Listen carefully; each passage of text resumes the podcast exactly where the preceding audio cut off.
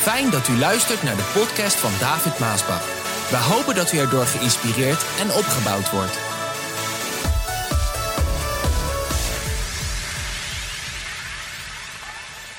Voor degenen die hun Bijbel bij zich hebben uh, en je zit uh, lekker thuis, wherever you are. Uh, 2 Kronieken 20. 2 Kronieken 20. Een heel bekend verhaal. En ik ga eigenlijk een stukje gewoon uh, uit de Bijbel. Ik lees het uit de Blessing Bijbel. Dat is een beetje, ik noem dat altijd de Bijbel met, uh, met de ja, makkelijke taal, de gebruikelijke taal. Uh, misschien dat u een iets andere vertaling gebruikt, maar dit, dit leest gewoon makkelijk en zeker voor de jongere generatie. Um, en dan wil ik eigenlijk iets proberen neer te leggen, maar we zullen wel zien hoe de geest dat ook verder leidt. En ik ga gewoon even lezen, 2 Kronieken 20. Volg me maar, volg me maar gewoon. Enige tijd later verklaarden de legers van Moab, Ammon en van de Munieten, dat waren dus drie hele grote legers, koning Jozefat en het volk van Juda de oorlog. Zo, er kwam een oorlog en er trokken drie grote legers op tegen Israël, tegen Juda, tegen Jozefat. Jozefat was de koning. Jozefat kreeg de mededeling: een groot leger trekt tegen u op vanaf de overkant van de Dode Zee. En Jozefat, vers 3, schrok erg van dit slechte nieuws. Ja, dat lijkt me logisch. En hij besloot de Heer om hulp te smeken. Dit vind ik eigenlijk al zo mooi hè, hoe dit begint. De koning hè. De koning schrok van het grote nieuws wat op hem afkwam. Heel slecht nieuws. Drie hele grote legers om met hem in oorlog te gaan. En hij schrok zo en dan besluit hij om naar de Heer te gaan. Hij besloot de Heer om hulp te smeken, staat er. En daarom liet hij afkondigen dat alle inwoners van Juda voor onbepaalde tijd moesten vasten. Uit alle hoeken van het land kwamen de mensen naar Jeruzalem om samen met hem de Heer aan te roepen. Oh, ook zo mooi hè?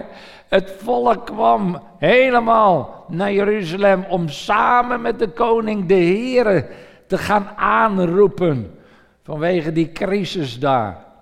En toen het volk zich had verzameld op het nieuwe voorplein van de tempel, kwam Jozef wat naar voren en sprak dit gebed uit. Luister wat deze koning bad. Voor het hele volk, hè, aan de Heer. O Heere, God van onze voorouders, de enige God in de hemel, heerser over alle koninkrijken op de aarde. U bent zo machtig en hebt zoveel kracht. Wie kan het tegen u opnemen? O onze God, hebt u de vroegere inwoners van dit land niet verdreven toen uw volk hier aankwam? toen wij hier aankwamen. En hebt u dit land niet voor altijd aan de nakomelingen van uw vriend Abraham gegeven? Uw volk vestigde zich hier en bouwde deze tempel voor u in oprecht vertrouwen dat wij in een tijd als deze, waarin wij oog in oog met oorlog, met ziekte of hongersnood staan, voor deze tempel en voor u kunnen gaan staan, want u woont hier in deze tempel. Wij roepen tot u dat u ons zult horen en ons zult redden. Kijk wat de legers van Ammon, Moab en het gebergte Serer doen. U wilde niet dat onze voorouders die landen zouden binnenvallen toen ze uit Egypte kwamen. En daarom trokken zij er omheen en vernietigden het niet. Maar kijk nu eens wat onze beloning is. Ze komen hier met de bedoeling ons te verjagen uit het land dat u ons hebt gegeven. Oh, onze God, wilt u hen veroordelen? En luister wat hij nu zegt. Wij hebben immers niet de kracht, het tegen dit grote leger op te nemen. Luister, wij weten niet wat wij moeten doen, maar onze ogen zijn op u gericht, o God. Hij wist niet wat hij moest doen. Zij wisten niet wat ze moesten doen. Het was een gigantische crisis daar. Een heel groot leger, drie grote legers. We zijn niet opgewassen, we hebben de kracht niet om het tegen dit leger op te nemen. We weten niet wat we moeten doen. Maar ons oog is op u gericht, heren. U weet wat, het, u weet wat er moet gebeuren. U weet wat we moeten doen. Wij zoeken u. Vertel het ons. Help ons. Sta ons bij. Het was daar dat hij zegt, hij zegt, in oorlog, in ziekten of hongersnood. Lieve mensen, ik heb me wel eens afgevraagd, het is toch dit jaar ook een gigantische crisis. Niet een crisis die alleen heel Nederland treft. Heel Nederland, hè? niet plaatselijk, heel Nederland. Niet alleen heel Nederland, heel Europa. En de hele wereld heeft ermee te maken in, met deze crisis. Gigantische crisis. En, en denk nou niet dat als het vaccin er is, prijs de Heer als het vaccin is, maar als het vaccin is dat het dan ineens allemaal voorbij is, dan krijg je nog hele grote klappen van alle psychische problemen en alle nasleep, de economische nasleep en noem maar op. Mensen, dit is werkelijk een, een, een, een heel grote crisis. En, en ik heb zitten nadenken, hè, wat deze koning deed. Hij was koning, hè, die dit deed. Koning Jozefat. Hij schaamde zich niet, ook niet voor het hele volk. Hij schaamde zich niet om ook tegen het volk, waar het volk bij was, om dan te zeggen: Ik weet niet wat ik moet doen. Hij zei er wel achter, maar mijn oog is op hem gericht. Zo, ik weet niet wat ik moet doen. Heb je dat onze koning zien doen? Of we, ons koningshuis? We weten niet wat we moeten doen, maar ons oog is op God gericht, de schepper van hemel en aarde. Er is maar één, en is maar één God. En hij is machtig en krachtig. Ik zat te denken, heb je dat Rutte zien doen in de afgelopen maanden? Zou het niet, wat, hoe zou dat dan zijn? Hè? Want want vergis je niet, ja, de jongere generatie weet er natuurlijk eigenlijk niets van, maar eh, eh, voorheen, vroeger, Nederland was echt gewoon een christelijk land. Gewoon echt christelijk. De, de, de wetten die zijn ook, die zijn ook uh, gefundeerd, die komen uit, uit uh, ook koning uh, Willem van Oranje, lees um, het Wilhelmus van Nassau hoe dat, dat is ons volkslied. Maar de meesten kennen alleen maar dat, dat eerste vers, wat dan zo gezegd gezongen wordt. Maar je moet eens kijken naar dat hele lied, 15 coupletten. En hoeveel keer God in dat lied wordt genoemd. Op God vertrouwen wij, onze schild, onze burcht. Nou, dat is er helemaal niet meer bij. Waarom denk je dat er in elke dorp en stad in Nederland een kerk staat met een kerktoren? Dat was het eerste wat, wat er gebouwd werd in Nederland. Als men een dorp begon, een stad begon, dan kwam daar natuurlijk het stadhuis en een kerk. Een kerk was het eerste, daaromheen werd alles gebouwd. Daarom heb je in elke stad of dorp heb je een kerk. Nederland was heel christelijk. Zo, ik kan me voorstellen dat dat uh, voorheen, dat men God ging aanroepen. En dat deed men eigenlijk ook, tot niet eens zo heel lang geleden. Als er een grote crisis was, dan, dan, dan raakten de kerken weer vol. De kerken stroomden vol, de mensen gingen God zoeken. Maar dat zie je vandaag niet meer. Velen geloven niet meer in God en vele, de jongere generatie worden helemaal niet meer met God opgevoed. Je krijgt het niet meer op school en in de, de, de overheidsinstanties, overal is het uitgebannen. Maar hoe zou dat dan zijn? Als dat vandaag zou zijn, zou je alle camera's, het NOS, één vandaag en, en, en noem ze allemaal op, de talkshows. Die zouden dan allemaal daarvan spreken dat Rutte op het binnenhof daar gaat staan met het hele de regering achter zich, alle ministers en de staatssecretarissen en de burgemeesters. En dan staat hij daar in het midden van die hele menigte allemaal de leiders van ons land. En dat hij zou zeggen, landgenoten, wij weten niet wat we moeten doen met deze crisis. Maar ons oog is op God gericht. Nou zeg, als dat vandaag zou gebeuren, dan zouden ze meteen een impeachmentprocedure. een impeachmentprocedure beginnen om hem af te zetten. Hoe snel kunnen ze die vent wegkrijgen hier? Ja, nee, lieve mensen. Dat zit er vandaag niet meer bij. Dat is wel jammer. Want zo was het wel met deze koning Jozefat. En uh, hij deed dat. Hij, uh, hij had gewoon ook een sterke rug. Wat hebben wij vandaag toch ook nodig? Mensen met sterke ruggen. Dat als je niet meer weet wat je moet doen, dat ze niet in paniek raken. Hoeveel raken niet in paniek als de druk groot wordt van de crisis, van de problemen, van de moeilijkheden, van de tegenstand. Hè? Want die hebben we in Nederland ook. En dan, en dan wordt het zwaar en dan wordt het moeilijk. Weet je, ik heb nog zoiets van zo'n vent, dat was wel eentje. Oh, hoe deze man begonnen is. Dit was werkelijk een man die werkelijk grote dingen voor de Heer heeft gedaan. Hij profeteerde, het was een koning. Ja, ik zou niet te veel slecht over deze koning willen praten, al heb je een hoop wat je zou kunnen zeggen, want het was werkelijk een geweldige koning en dat was Saul. Kijk, wij weten eigenlijk meer, de meesten die weten meer van het einde van Saul, waardoor hij natuurlijk een hele slechte naam heeft gekregen. Maar als je het begin van deze man zou lezen, wat voor koning hij was, het was werkelijk een hele geweldige koning. Maar, luister, ik ga even een stukje lezen wat er met, hoe hij handelde met de crisis. Ik heb net gelezen over koning Jozef, wat, hoe hij handelde met de crisis en wat hij zei. En nu ga ik even deze koning lezen, hoe hij met de crisis omging. De Filistijnen brachten een machtig leger op de been met 3000 strijdwagens, 6000 ruiters en ontelbaar aantal soldaten.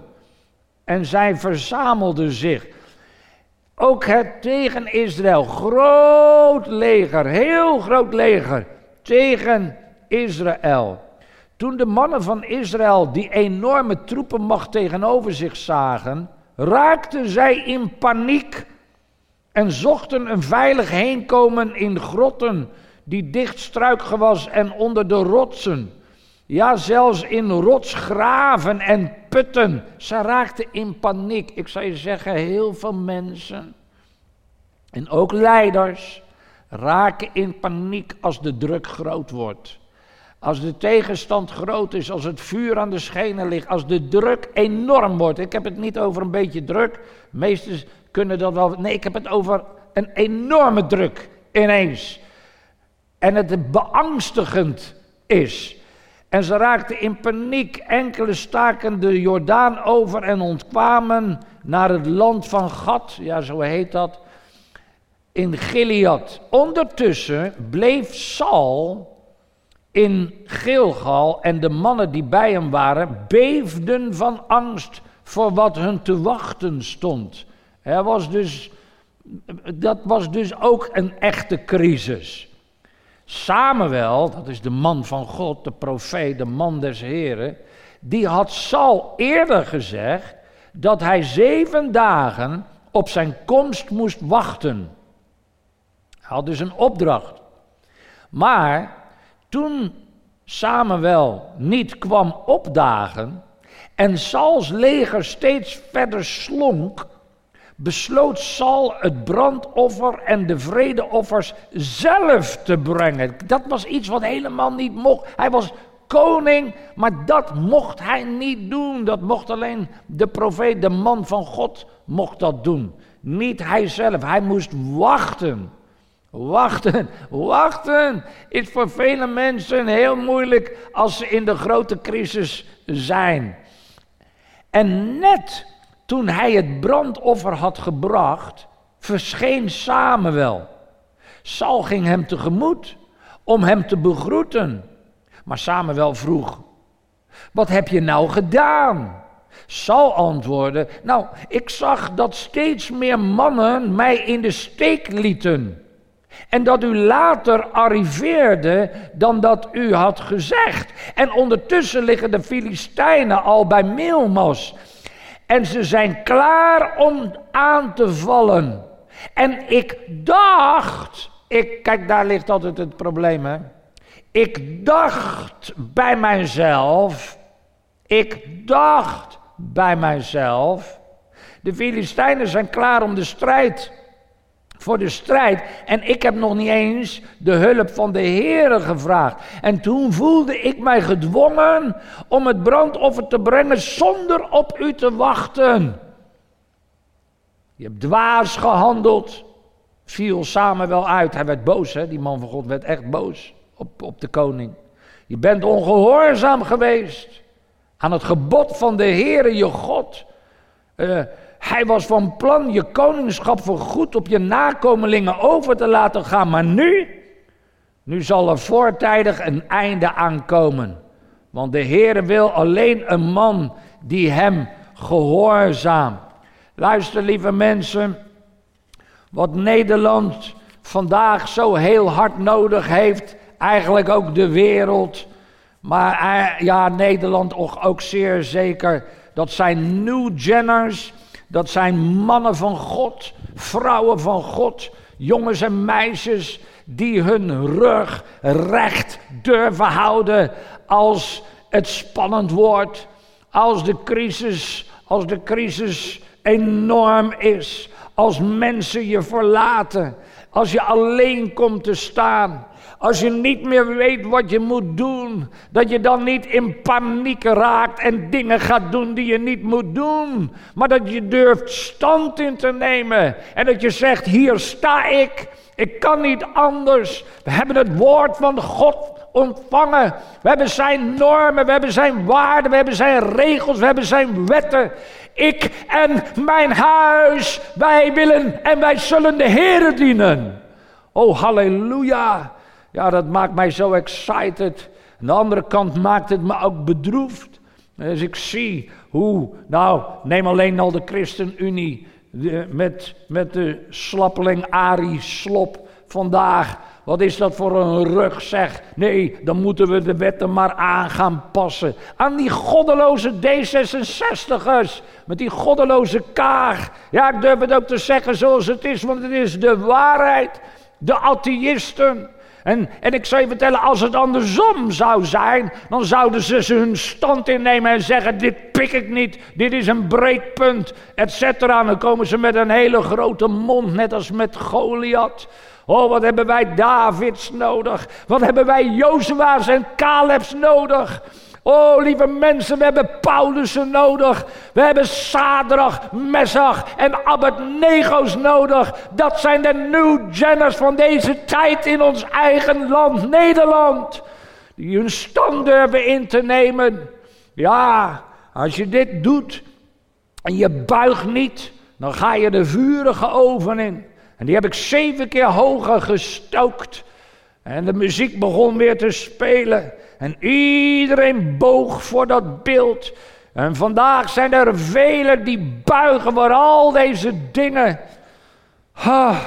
ze buigen en ze knielen en ze gaan mee. Heel veel kerken gaan mee in alle goddeloze dingen.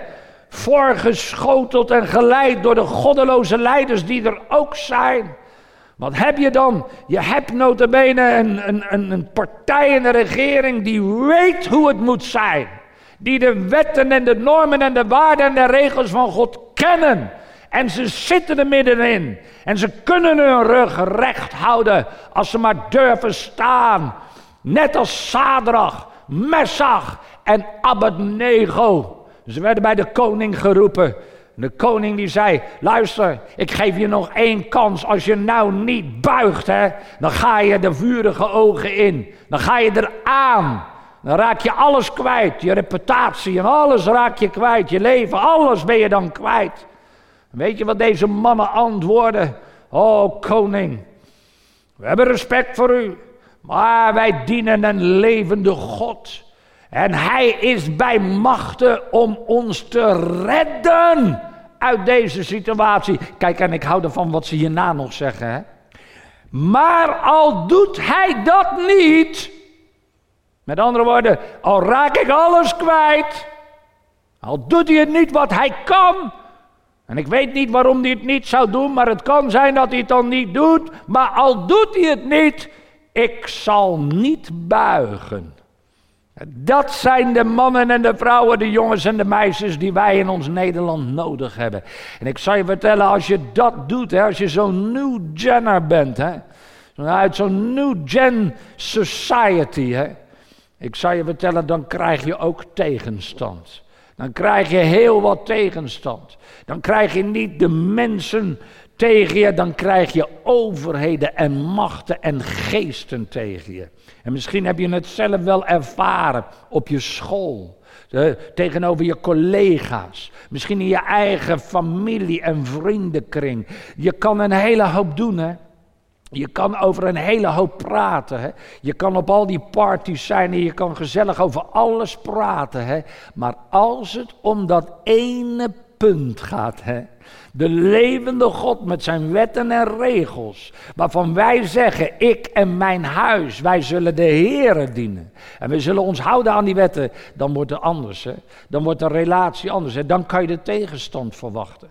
Dat is ook wat de ChristenUnie had kunnen verwachten toen ze in deze regering stapten. En dat heb ik nog geprofiteerd ook in die tijd. Ik weet niet of je dat nog kan herinneren. Sommigen hebben dat niet zo leuk gevonden, maar het is gezegd. En ik dacht bij mezelf, het komt nog dat je je rug recht moet houden tegenover deze gasten, tegenover die tegenstand, die al die goddeloze dingen er doorheen willen drukken, waarna wij moeten leven. En Sadrach Messach hadden dat ook. Ze moesten buigen of breken. Maar ze zeiden, ik buig niet. Ook als God het niet doet, ik buig niet. En ze gingen de vurige oven in. De Heere God laat je dat dan ook doorheen gaan. Hij haalt die vurige oven niet voor je weg. Hij haalt die geesten niet voor je weg, want dat zou het simpelste zijn. Maar je moet er doorheen. En hij laat je er doorheen gaan. Maar hij heeft gezegd, luister, hij heeft gezegd, ga je door het water, ik zal bij je zijn. Ga je door het vuur, ik zal met je zijn. En zo was Sadrach, Messach en Abednego ook in die vurige oven. Maar er was een vierde man bij. En het was Jezus zelf die hun uit die vurige oven redden. En oh, wat waren ze verbaasd. Weet je wie ook zo'n man was? Daniel. Daniel. Daniel, dat was de man die elke keer drie, uh, drie keer bad. En met de vensters open. Hij bad tot de levende God. Iedereen kon het horen. Hij schaamde zich niet. En toen werd hij ook erin geluisterd door, die, door diezelfde fariseërs en schriftgeleerden. Uh, ze hebben een heel plan en spel opgezet hè, om hem te pakken. En uiteindelijk, dan komt hij tot dat punt, hè, buigen of breken. Maar hij zei nee, ik zal de Heere dienen en ik zal mijn stand innemen. En doordat hij zijn stand innam, was de leeuwenkuil zijn weg werd hij in de leeuwenkuil. Nou, de kinderen die kennen dat verhaaltje wel. Want we hebben het op de zonderschool al gehoord. Vele mensen die uh, al heel lang niet meer naar de kerk zijn gegaan. En als je dan met ze praat, dan herinneren ze zich nog wel dit soort verhalen. Hè? Van Mozes door de Rode Zee. Van David tegenover Goliath. En, en Daniel, Simpson weten ze ook. Hè? Maar Daniel ook in de leeuwenkuil. En die leeuwen, die waren werkelijk hongerig. Want, ze proberen altijd een draai eraan te geven. Ja, maar die leeuwen waren niet hongerig. Nou, de mensen die na hem in de kuil waren gegooid, die werden terstond opgevreten omdat die leeuwen zo hongerig waren, zegt de Bijbel. Maar bij Daniel hielden ze die muilen dicht. Zeg, het was God, het waren de engelen om Daniel heen die de muilen dicht hield. En Daniel sliep En de volgende morgen komt de koning, die kon het ook niet geloven. En die zei, Daniel, Daniel, heeft jouw God jou kunnen redden? Ja, koning! Oh, lieve mensen, onze God is zo machtig. Hij is zo krachtig, wat Jozef ook, of uh, Jozef wat daar ook zei. U bent zo machtig, u bent zo krachtig. En hij vertrouwde op de levende God. Lieve mensen, dat is wat wij vandaag nodig hebben. Wat denk je van Paulus met Silas in de gevangenis? Ze werden in de gevangenis gegooid vanwege de prediking van het evangelie. Paulus verschillende keren. En ze zongen in de gevangenis. Ze zongen misschien wel een bundellied. Heere, Heere, onze God. Mensen, zo kunnen wij toch ook zijn in vuur en in vlam voor Jezus Christus van Nazareth, de Zoon van de levende God, de God van Abraham, Isaac en Jacob. Ze zongen daar lofprijsliederen om God groot te maken. De discipelen trouwens ook, hè. Toen zij over Jezus predikten en, en ze in dat Sanhedrin kwamen en ze werden gezegd dat ze moesten zwijgen over de naam van Jezus, maar dat deden ze niet. Hè? En ze werden ook in de gevangenis gegooid en ze werden gegezeld. Uh, helemaal ge, pijn gedaan, gegezeld. En de staat, ze gingen daarna met een blij hart uit de gevangenis om door te gaan met de prediking van het evangelie. Mensen, de tijden zijn in dat opzicht niks veranderd. Toen was het ook moeilijk in de tijden van Jezus. En hebben we nog niet eens over Jezus zelf gehad. Wat hij heeft moeten doormaken, wat een tegenstand Jezus had. Hè? Maar hij liet zich niet van de wijs brengen, nog van de weg brengen, door niemand niet, door niets niet, totdat hij kon zeggen, het is volbracht. En zo hebben wij ook een opdracht te volbrengen. In onze maatschappij hebben wij onze stand in te nemen als christenen, als christenen, als newgeners, als mensen die hebben gezegd, ik en mijn huis, wij zullen de Heer dienen. We zullen ons houden aan de regels, aan de wetten, aan de normen, aan de waarden uh, van de levende God die wij lezen in de Bijbel. God heeft ons gezegd hoe wij moeten leven. En weet je wat het mooie is? Hij vertelt ons ook hoe wij de zegen over dat leven zullen ontvangen. Als wij ons houden aan de regels. Want ja, de meeste mensen willen wel gezegend worden, christenen ook. Maar dan moet je maar lezen in Deuteronomium 28. Daar zegt God, ja, ik wil jou zegenen, maar die zegen zal alleen komen als je leeft volgens mijn regels en wandelt op mijn wegen. En dat is wat wij hebben gezegd.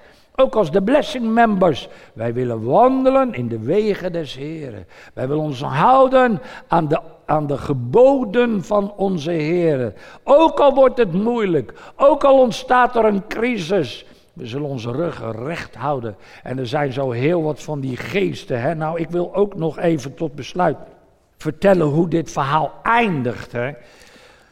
Van Jozef, wat we hebben gelezen. Want dan heeft hij dus gezegd. Wij, wij, kunnen niet tegen dat leger op, dat is gewoon onmogelijk en we weten niet wat we moeten doen, maar onze ogen is op u gericht. En dan gaat God spreken. En God spreekt vandaag ook nog steeds altijd door zijn woord. We hebben het woord van God en hij spreekt ook vanmorgen weer. Je hoort het woord des Heren, wat er geschreven staat, hoe dat toen ging. Dat zijn onze voorbeelden, want God is niet veranderd. En als hij dat dan gedaan heeft, dan zegt God, eh, voor degene die meelezen uit de Bijbel, 2 uh, Kronieken 20, vers 15, wees niet bang. Hoor je dat? Wees niet bang. Deze woorden wil ik vandaag ook tot jullie spreken. Ik wil ze ook spreken tot al die christelijke leiders die nog altijd christenen zijn en in het leiderschap zijn. Tot de voorgangers. Tot de predikers die het woord van God recht trekken, rechte voren trekken, die de waarheid durven preken, ook als daar tegenstand op komt. Maar ook de regeringsleiders, de ChristenUnie, de SGP, noem ze maar op, tegen al die leiders, wil ik dit ook zeggen wat God zegt. In die grote crisis hielden ze hun rug recht, zeiden we weten niet wat we moeten doen. En dan zegt God, wees niet bang. En tegen jou wil ik ook zeggen, New Jenners, wees niet bang voor al die tegenstand. Laat de angst voor dit grote leger jou niet verlammen. Hoor je dat? Hoor je dat, meneer Slop? Hoor je dat, andere leiders? Ja, ik zou alle namen willen noemen, maar hoor je dat? Wees niet bang. Laat de angst voor die crisis, voor die tegenstand, voor, voor degene die zo tegen je opkomen. Laat, die, laat de angst voor dat grote leger jou niet verlammen. Je rug knakken, je benen, je knieën slap maken, dat je, dat je, dat je toe gaat geven. Wees niet bang, want dit is niet jouw strijd, maar de strijd van God. Trek hen morgen tegemoet, vallen aan. U zult hen tegenkomen terwijl zij de hellingen van Sis beklimmen. Nou, jullie kennen dit verhaal, zeker de christelijke leiders die kennen dit verhaal. Maar u zult niet hoeven te vechten. Neem je plaats in, blijf staan en kijk toe hoe God jou allen, jullie allen op wonderlijke manier gaat redden. Blijf staan. Hoor je dat? Blijf staan. Neem je stand in. Blijf staan. Het is niet jouw gevecht. Het is een gevecht van overheden en machten tegenover de levende God. En tegenover Jezus, zijn zoon. Het is de duivel. Het is zijn satanische machten tegenover de levende God, tegenover Jezus Christus. Blijf gewoon staan. Je hoeft niet te vechten. Neem je stand in. Blijf staan. Kijk hoe God jou op een wonderlijke manier gaat redden. Wees niet bang of ontmoedig. Ga hem morgen tegemoet, want de Heer staat aan je kant.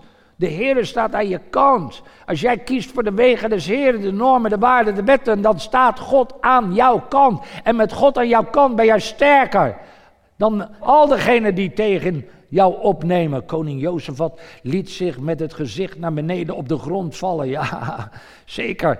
En alle inwoners van Juda en Jeruzalem volgden zijn voorbeeld. Samen aanbaden zij de Heer.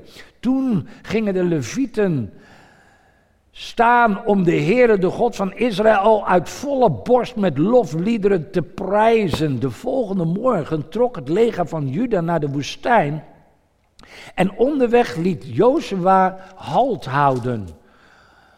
Luister, hè, ik lees het gewoon voor hoe, hoe Gods woord dat ons vertelt. En hij vroeg ieders aandacht. Luister naar mij, inwoners van Juda en Jeruzalem. Geloof in de Heere, jouw God, dan zal je slagen. Hoor je dat? Wat zei Rutte ook alweer op dat plein met het hele kabinet? Geloof in de Heere God en we zullen slagen. Maar was maar waar dat dat zo was. Hè? Geloof zijn profeten en alles zal goed komen. Na overleg met de leiders van het volk besloot hij dat een koor voor het leger uit moest lopen om Gods majesteit te prijzen en het lied te zingen. Loof de Heer, want zijn goede tierenheid en liefde duurt tot een eeuwigheid.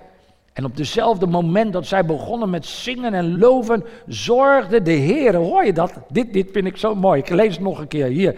Op hetzelfde moment dat zij begonnen met zingen en loven, dus God loven en prijzen, zorgde de Heer ervoor dat de legers van Ammon, Moab en het gebergte Ser het met elkaar aan de stok kregen. En de Ammonieten en de Moabieten keerden zich tegen hun bondgenoten uit het gebergte Ser en doodden iedereen. Het was een chaos bij de tegenstanders. Deed Jozef wat dat? Nee, dat deed de Heere. De Heere deed iets. Daarom zei de Heere, je hoeft het zelf niet eens te doen. Neem gewoon je stand in. Blijf staan. En daarna vielen ze elkaar aan. En toen het leger van Juda en een hoogpunt bereikten van waar men over de woestijn kon uitkijken, zagen ze overal lijken, zover het oog reikte. Geen enkele vijand had het overleefd.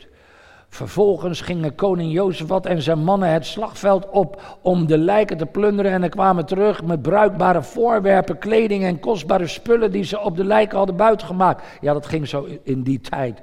Het was zoveel dat zij drie dagen nodig hadden om alles met wagens weg te brengen. Op de vierde dag verzamelden zij zich in het dal van de lofprijzing, zoals het nu ook nog heet, en prezen de Heer. En daarna keerden zij onder leiding van Jozef wat terug naar Jeruzalem. Vol van blijdschap over het feit dat de Heer hen op wonderbaarlijke manier van hun vijanden had gered. Onder begeleiding van harpen, ciders en trompetten trokken zij Jeruzalem binnen en gingen naar de tempel. Ze gingen gelijk naar het huis des Heren.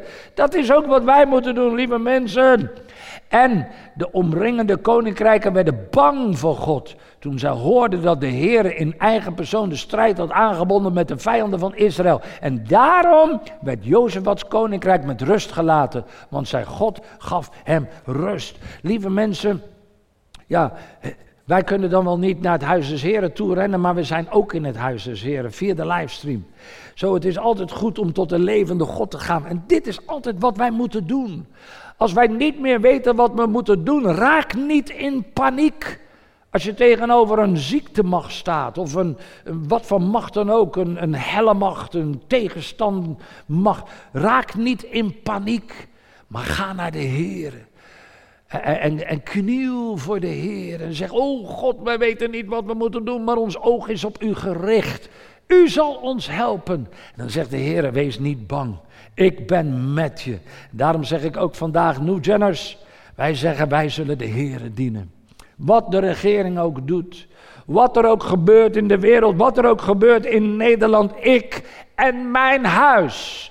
Wij zullen de Heer dienen. En dan weet ik dat Hij die in mij is, is meer dan die in de wereld is. Dat we sterk zullen zijn. En we zijn niet de enige. De Heer heeft er nog veel meer in Nederland. Maar misschien hoor je er niks van. Misschien durven ze niks te zeggen, net als in die tijd ook um, van Elia. Maar hij zegt Elia. Er zijn er nog veel meer die hun knieën niet hebben gebogen. En zo weet ik dat ik niet de enige ben die zegt: Ik en mijn huis, wij zullen de Heer dienen. O God, dank u voor deze dag vandaag. Dank u dat we in uw huis mogen zijn, dat we samen mogen zijn via de livestream. Dat u uw woord heeft gegeven, dat u mijn stem heeft gebruikt om te zeggen tegen uw kinderen, tegen het volk, tegen de christenen, tegen de new geners, tegen de blessing. Wees niet bang. Wees niet bang. Laat de angst jou niet bang maken van die tegenstand die er is. Want ik ben machtig, zegt de Heer, en ik ben met je. Ik ben je leidsman, ik ben je God. Daarom bid ik ook vandaag, Heer, laat zien dat u onze God bent, ook in Nederland. Met wonderen, met tekenen. Zoals ook bij Jozefat, bij Jozua en al die andere, Daniel, Sadrach, Messach en Abednego. Laat zien dat wij uw kinderen zijn. En dat u onze God bent. En dat ik uw knecht ben. Dank u wel. In Jezus' naam. Amen. Amen.